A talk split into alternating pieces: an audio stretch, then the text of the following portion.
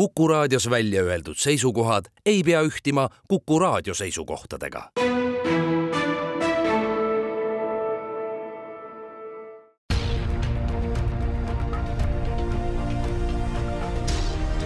uue samba taga.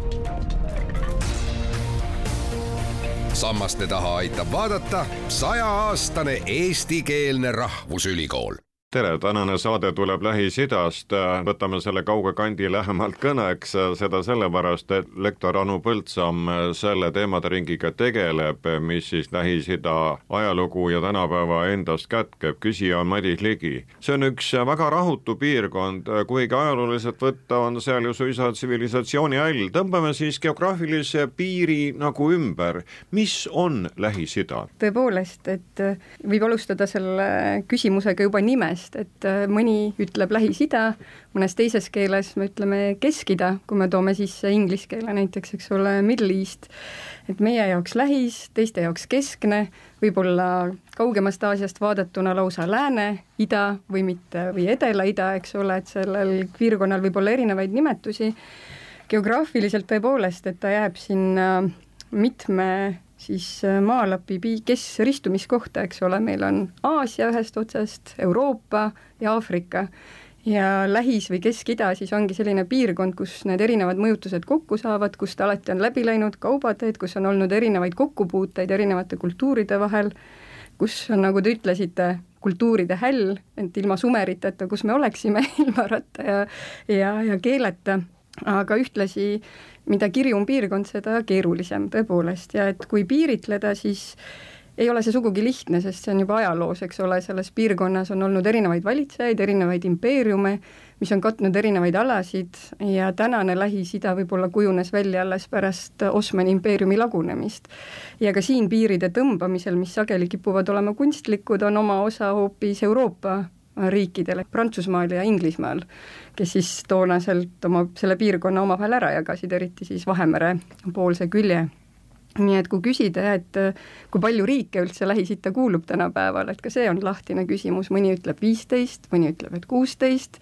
juba küsimus, kuidas me jagame Palestiina, kas me võtame selle kaheks, et meil on Gaza eraldi ja Lääne kallas või me räägime ühest Palestiina riigist kui osast Lähis-Idast, Egiptus sinna juurde,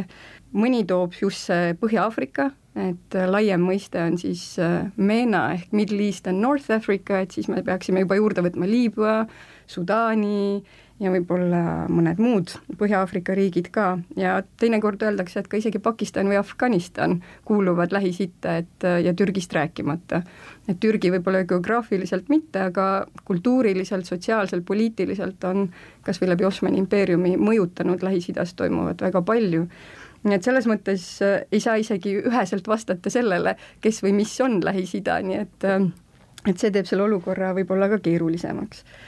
ja sama kirjusus, mis puudutab piire ja seda kunstlikkust, äh, toobki selle probleemi, et nendesse tõmmatud piiridesse peavad mahtuma väga erinevad rahvad et etniliselt tegelikult see piirkond on ju üsna kirju, et seal on araablased, pärslased, turgirahvad, kurdid, juudid, kes peavad sinna ära mahtuma, tänu sellele on ka keeled erinevad, meil on semiidi keeled, heebrea araabia keel, aga meil on ka indoeuroopa keel pärsia keele näol esindatud, meil on turgi keeled, Põhja-Aafrikas berberi keeled, nii et ka keeleliselt on see pilt kirju ja religioosselt samuti, et me seostame küll Lähis-Ida islamiga ja see on ka tõsi, et islam on seal valdav religioon, aga ei maksa ära unustada, et see on ka judaismi häll, kristluse häll ja seal kõrval on palju väiksemaid religioone, näiteks Bahai religioon, Druusi religioon, Zoroastrism esi-, endiselt, nii et et ma arvan, et üldiselt sellest piirkonnast rääkides ei maksa just ära unustada seda sisemist mitmekesisust. et mitte ühe puuga mõõta seda kõike, taandada kõike Araabiale või islamile, vaid vaadata natukene niimoodi mitmekesisemalt seda pilti. kultuurkiht on jah, seal Lähis-Idas väga paks, aga ometigi on väga pikalt seal see poliitiline katel podisenud, rahu maa peale see nii kergesti ei tule ja seda ei paista ka praegu näiteks mitte kuidagi kusagil, nii et see kirjusus lööb läbi ajaloo väga tugevalt välja, väga sõjakalt välja. jah, ja tõenäoliselt see sõjakus kasvab, mida rohkem on meil erinevaid rahvaid ja riike seal nüüd tänapäeval koos, et kui on islami kalif, kalifaat või Osmani impeerium, siis võib-olla on natukene lihtsam seda hallata, aga Lähis-Ida eripäraks on tõesti, et kui me võtame maailma erinevad piirkonnad, siis Lähis-Idas on paratamatult kõige rohkem relvastatud konflikte arvuliselt käimas ja siis tuleb alles Aafrika ja Aasia ja, ja Euroopa siis viimasel kohal, aga need konfliktid, kui me vaatame Lähis-Ida, kipuvad olema sageli kodusõjad, et need ei ole, eks ole, sellised ütleme, niivõrd rahvusvahelised, aga kui me võtame Süüria tänapäeval või Jeemeni või Liibüa, siis need konfliktid on pigem just selle ühe nii-öelda riigi sees ja siis tekib küsimus, miks, et kuidas see võimalik on? Ja tõenäoliselt seal taga ongi erinevad rahvusgrupid, erinevad poliitilised huvid, erinevad religioossed huvid, mis hakkavad kokku mängima. Ja nüüd siis lisandunud ka Iisraeli ja Palestiina vaheline kõige akuutsem konflikt üle, üle väga pika aja ja tõepoolest võib ju küsida, et kas see on religioonisõda, oleks väga lihtne öelda, aga jällegi, kui me vaatame, et äh, islami äh, kultuuris, et moslemid omavahel ei saa läbi, et kas see on religioonisõda või on siin taga muud, Iisraeli ja Palestiina konflikti puhul territoorium, mängib väga suurt osa, et kelle, kelle maa see siis on. muidugi võib õigustustes leida, eriti võib-olla Iisraeli poolel selliseid väiteid, mis ta on, lähevad tagasi piibli juurde, eks ole, Heebra piibli juurde, ütlevad, et aga see on Jumala poolt Iisraeli rahvale tõotatud maa ja meil on siin õigus olla, eks ole. aga noh, palestiinlastel võib-olla sellist väidet ei ole, aga nemad saavad öelda, aga me oleme siin elanud sajandeid, eks ole, et meie esivanemad on siin olnud, kui me võtame rahvastikurände andmed, siis demograafiliselt, äh, kui me vaatame, mis toimus selles piirkonnas, siis tegelikult alles kahekümnendatel, kolmekümnendatel tõusis sealne elanikkonna arv, väga tugevalt elanike arv, selles mõttes, et üheksateistkümnendal sajandil seal piirkonnas elas väga vähe inimesi, nii araablasi kui juute, kuigi araablasi oli rohkem, aga et mingi asi tõi nad siis sinna kokku ja ja võib-olla see ongi üks aspekt, mille, mida tuleb arvestada, on äh, demograafiline olukord, et Lähis-Idas elanikkond kasvab väga kiiresti. et tuleb järjest rohkem inimesi peale, mis tähendab siis kohe pinget ressursside osas, majanduse küsimus, valitsus, et on väga erinevad äh, riigikorrad Lähis-Idas koos tegelikult, et meil on konstitutsionaalset monarhiat, absoluutset monarhiat, meil on demokraatiaid, kui me võtame Iisraeli või siis näiteks ka Liibanoni, eks ole, et äh, millega me kokku puutume, kuidas seda rahvagruppi siis valitsetakse. Küsimus kindlasti ühiskonna mõttes ka hariduse poolelt, kui palju on ligipääsu haridusele, naiste haridusele just eelkõige või naiste positsioon ühiskonnas, näiteks see on väga tihedalt demograafiaga seotud, eks ole, et mida haritumad ja iseseisvamad naised, mida rohkem nad tööturul osalevad, seda võib-olla vähem sünnib lapsi näiteks, et tegeletakse muude asjadega, et et siin on kõik need aspektid, majandus, religioon, demograafia ehk ühiskond on omavahel läbi põimunud ja see on selline hea kasvulava konfliktide tekkeks, eks ole, et see tekitab võib-olla pingeid ja ja siis äh, muidugi selline kalduvus ka autokraatiale natukene, eks ole, et vahepeal kui me nägime, et oli ühtne impeerium, siis tulid lääne kolonialistid, jagasid piirkonna ära, tekkisid Jordaania kuningriik ja nii edasi, olid jällegi monarhiad, siis üheksakümnendate järel, eriti kahe tuhandete alguses me nägime sellist võib-olla kalduvust demokraatiale Egiptuses, eks ole, Araabia selline kevad ja siis nüüd me näeme jälle sellist äh, võib-olla diktaatorite esiletõusu uuesti, et see teeb selle asja ka omakorda keeruliseks. seega sellist ühismeele otsimist äh, seal Lähis-Idas ikkagi nii kergelt ei ole, sest nad on nii geograafiliselt kui usuliselt äh, küllalt väikestel territooriumitel koos ja neid territooriume on hästi palju jah, või et võib-olla eks see ikka on, et on, nende hulgas on neid riike, kellel on suuremad ambitsioonid, eks ole, ja lõpuks paljud konfliktid, võiks öelda, et need on niinimetatud proksisõjad, et kuskil kellegi kolmanda territooriumil äh, teised riigid peavad oma sõda, kui me mõtleme kas või Süüria kodusõja, kus tegelikult taustal mängivad rolli nii Iraan, Venemaa kui Iisrael, eks ole, et Iraan ja Iisrael võib-olla omavahel sõdivad Süüria territooriumil, kaudselt küll, aga, aga tõepoolest, et selliseid, äh, et ütleme, ühelt poolt lihtinimese tasandil ma usun, et kõik tahaksid elada lihtsalt rahus, et nii palju, kui mina olen suhelnud inimestega, kes seal piirkonnas elavad, nad tahavad lihtsalt tööl käia, lapsi kasvatada, elada hästi, süüa hästi, olla rahus, et keegi ei taha ju pidevalt olla sõjas. Teiselt poolt, kui me vaatame, siis need ühiskonnad on sageli, näiteks Iisrael või, või Palestiina, nad on pidevas sõjaolukorras, et see ei ole normaalne elu, mida inimesed seal elavad ja mille keskel nad peavad elama, aga, aga jah, et niipea, kui tundub, et olukord hakkab normaliseeruma, et kahekümnendal, kaks tuhat kakskümmend näiteks, et mitmed araabia riigid sõlmisid või normaliseerisid oma suhted Iisraeliga ja seal sageli on just majanduslik koostöö taga, eks ole, et kui me võtame Araabia Ühendemiraadid või Bahrein ja Maroko ja see võib-olla oli jällegi teistele selliseks ohumärgiks, et kui me võtame Iraani või Saudi Araabia, et äh, on neid, kes pooldavad sellist rahumeelset koostööd ja siis tekib selline küsimus, et äh, et kuidas ikkagi edasi nüüd tänase konflikti valguses, et kas on võimalik teha veel koostööd Araabia riikide ja Iisraeli vahel. ja siin taustal võib-olla ongi see, et mida meil võib-olla raske mõista, et kes on kelle sõber ja kes on kelle vaenlane, et tundub, et seal on moslemid, juudid, samas moslemid oma omavahel, eks ole, on konfliktis, kui me võtame hutid Jeemenis, kes on šiidid, vähemus kolmandik rahvastikus võib-olla ja siis, kes tõstsid mässu siis äh, sunni enamuse vastu. Ja Iraan, me teame, on ka šiitlik riik, nii et Iraan omalt poolt äh, toetab šiiasid, samas kui me vaatame Liibanonis samamoodi Hezbollah, eks ole, terroriorganisatsioon, mis tekitab probleeme, on, saab Iraanilt toetust ja on šiia liikumine, samas Hamas äh, Gaza poole peal siis on sunnimoslemite terrorirühmitus, mida ikkagi Iraan toetab, vaatamata sellele, et nad on sunnid, eks ole, aga siin jällegi ühine vaenlane Iisrael loeb rohkem kui võib-olla religioonisisesedvastumeels-, vastuolud või erimeelsused, eks ole, et see on selline, et sõpradeks saadakse siis, kui on ühine vaenlane, tundub seal piirkonnas.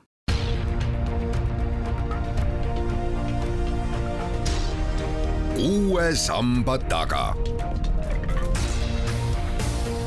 Sammaste taha aitab vaadata sajaaastane eestikeelne rahvusülikool. Hanno Põldsam, kui te uurite Lähis-Ida temaatikat, kas te uurite siis seda ja mõtestate, et mis seal toimub ja miks seal toimub, kuidas võiks asi edasi minna või te uurite ka, et milline on siis meie suhe selle piirkonnaga, ehk äh, kuidas äh, sealne rahulolematus, konfliktid kanduvad üle mujale maailma? mina kui judaistika lektor ja minu kolleeg Elo Sült, kes on islamistika lektor ja Aasia Keskuse juhataja, tegeleme muidugi rohkem selle poolega, et mõista, mis seal üldse toimub, mõista seda tausta, ehk et Lähis-Idas toimuva mõistmiseks ei piisa ainult äh, riigiteadustest või ei piisa ainult geograafiast või majandusest, et äh, lisaks tuleb tunda ka selle piirkonna kultuuri ja religioosset maastikku ja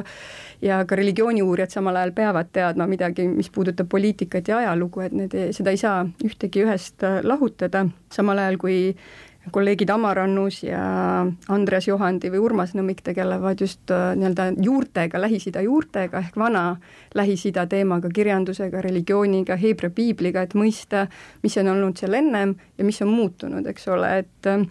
et me üritame erinevate ainekursuste ja erinevate uurimisprojektide kaudu just uurida nii Lähis-Ida usundilugu, seda kultuurilist ja religioosset poolt, aga ka tänapäevast ühiskonda, usku ja poliitikat, kuidas need omavahel on seotud. Ja me võime minna väga detailideni, eks ole, et meil on aineid, mis puudutavad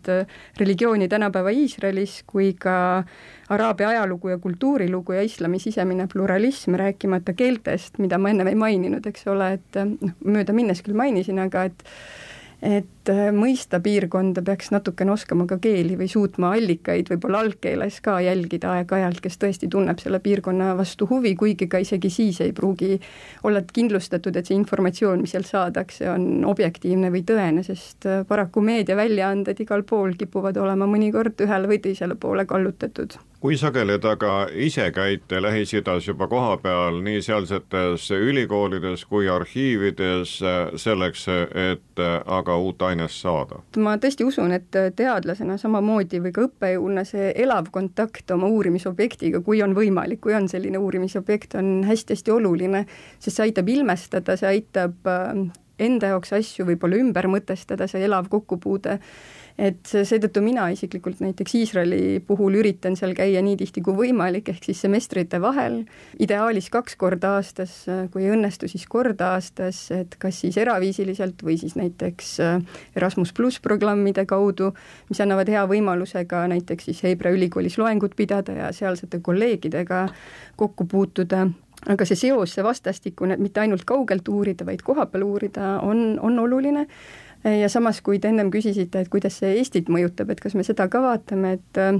no et seal see võib-olla jääb rohkem sotsiaal- ja riigiteaduste valdkonda, ehk meid kõiki see puudutab nii või naa, eks ole, e-, energiaressursid,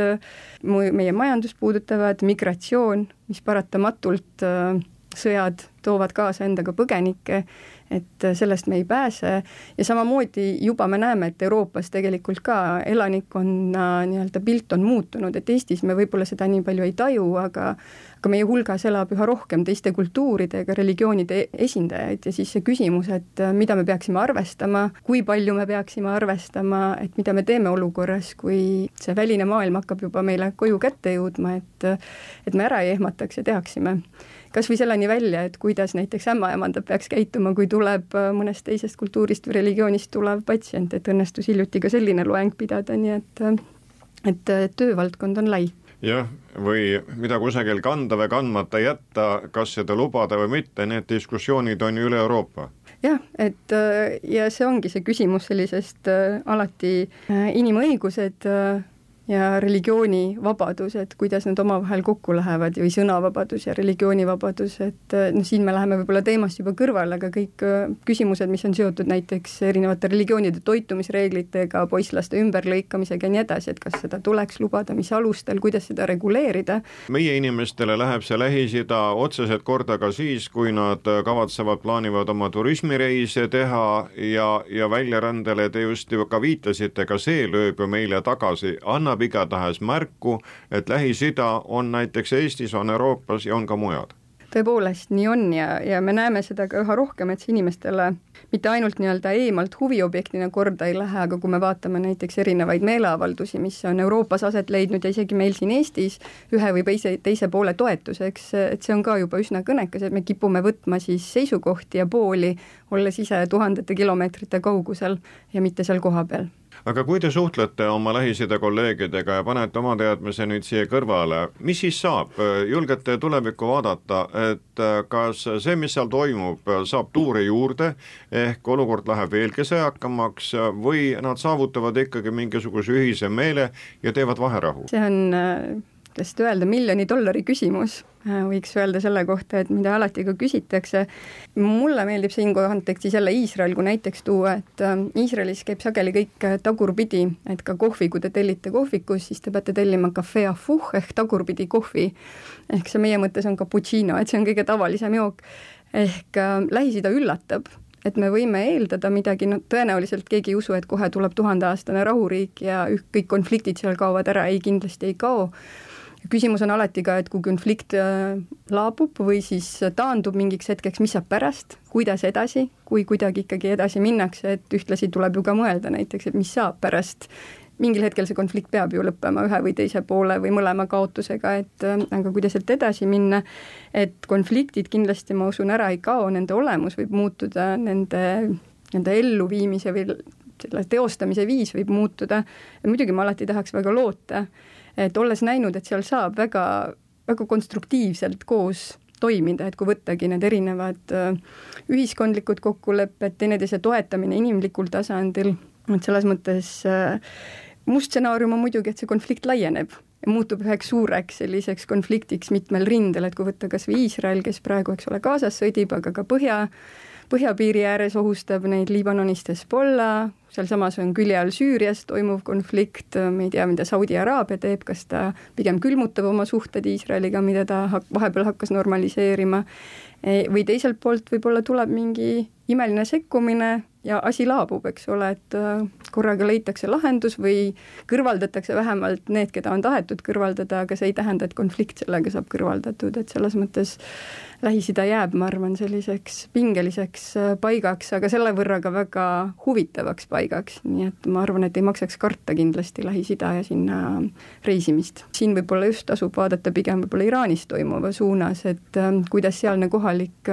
nii-öelda ühiskond, eriti noorev põlvkond suudab siis äh, hakkama saada, kas ennast kehtestada olemasolu võimu vastu või mitte paraku, et äh, eks seda tulevikus paistab, aga näha on, et et kui mingi muutus tuleb, siis ta saab tulla seestpoolt, ükskõik, kas see on siis paremuse või halvemuse suunas aitäh teile, judaistika lektor Anu Põldsam, kes te rääkisite meile kauge Lähis-Ida natukene lähemaks ja selgemaks, et selles suures rahvaste paabris ja poliitilises äärmiselt mitmekesises maailmas natukenegi rohkem sotti saada. küsija oli Madis Ligi.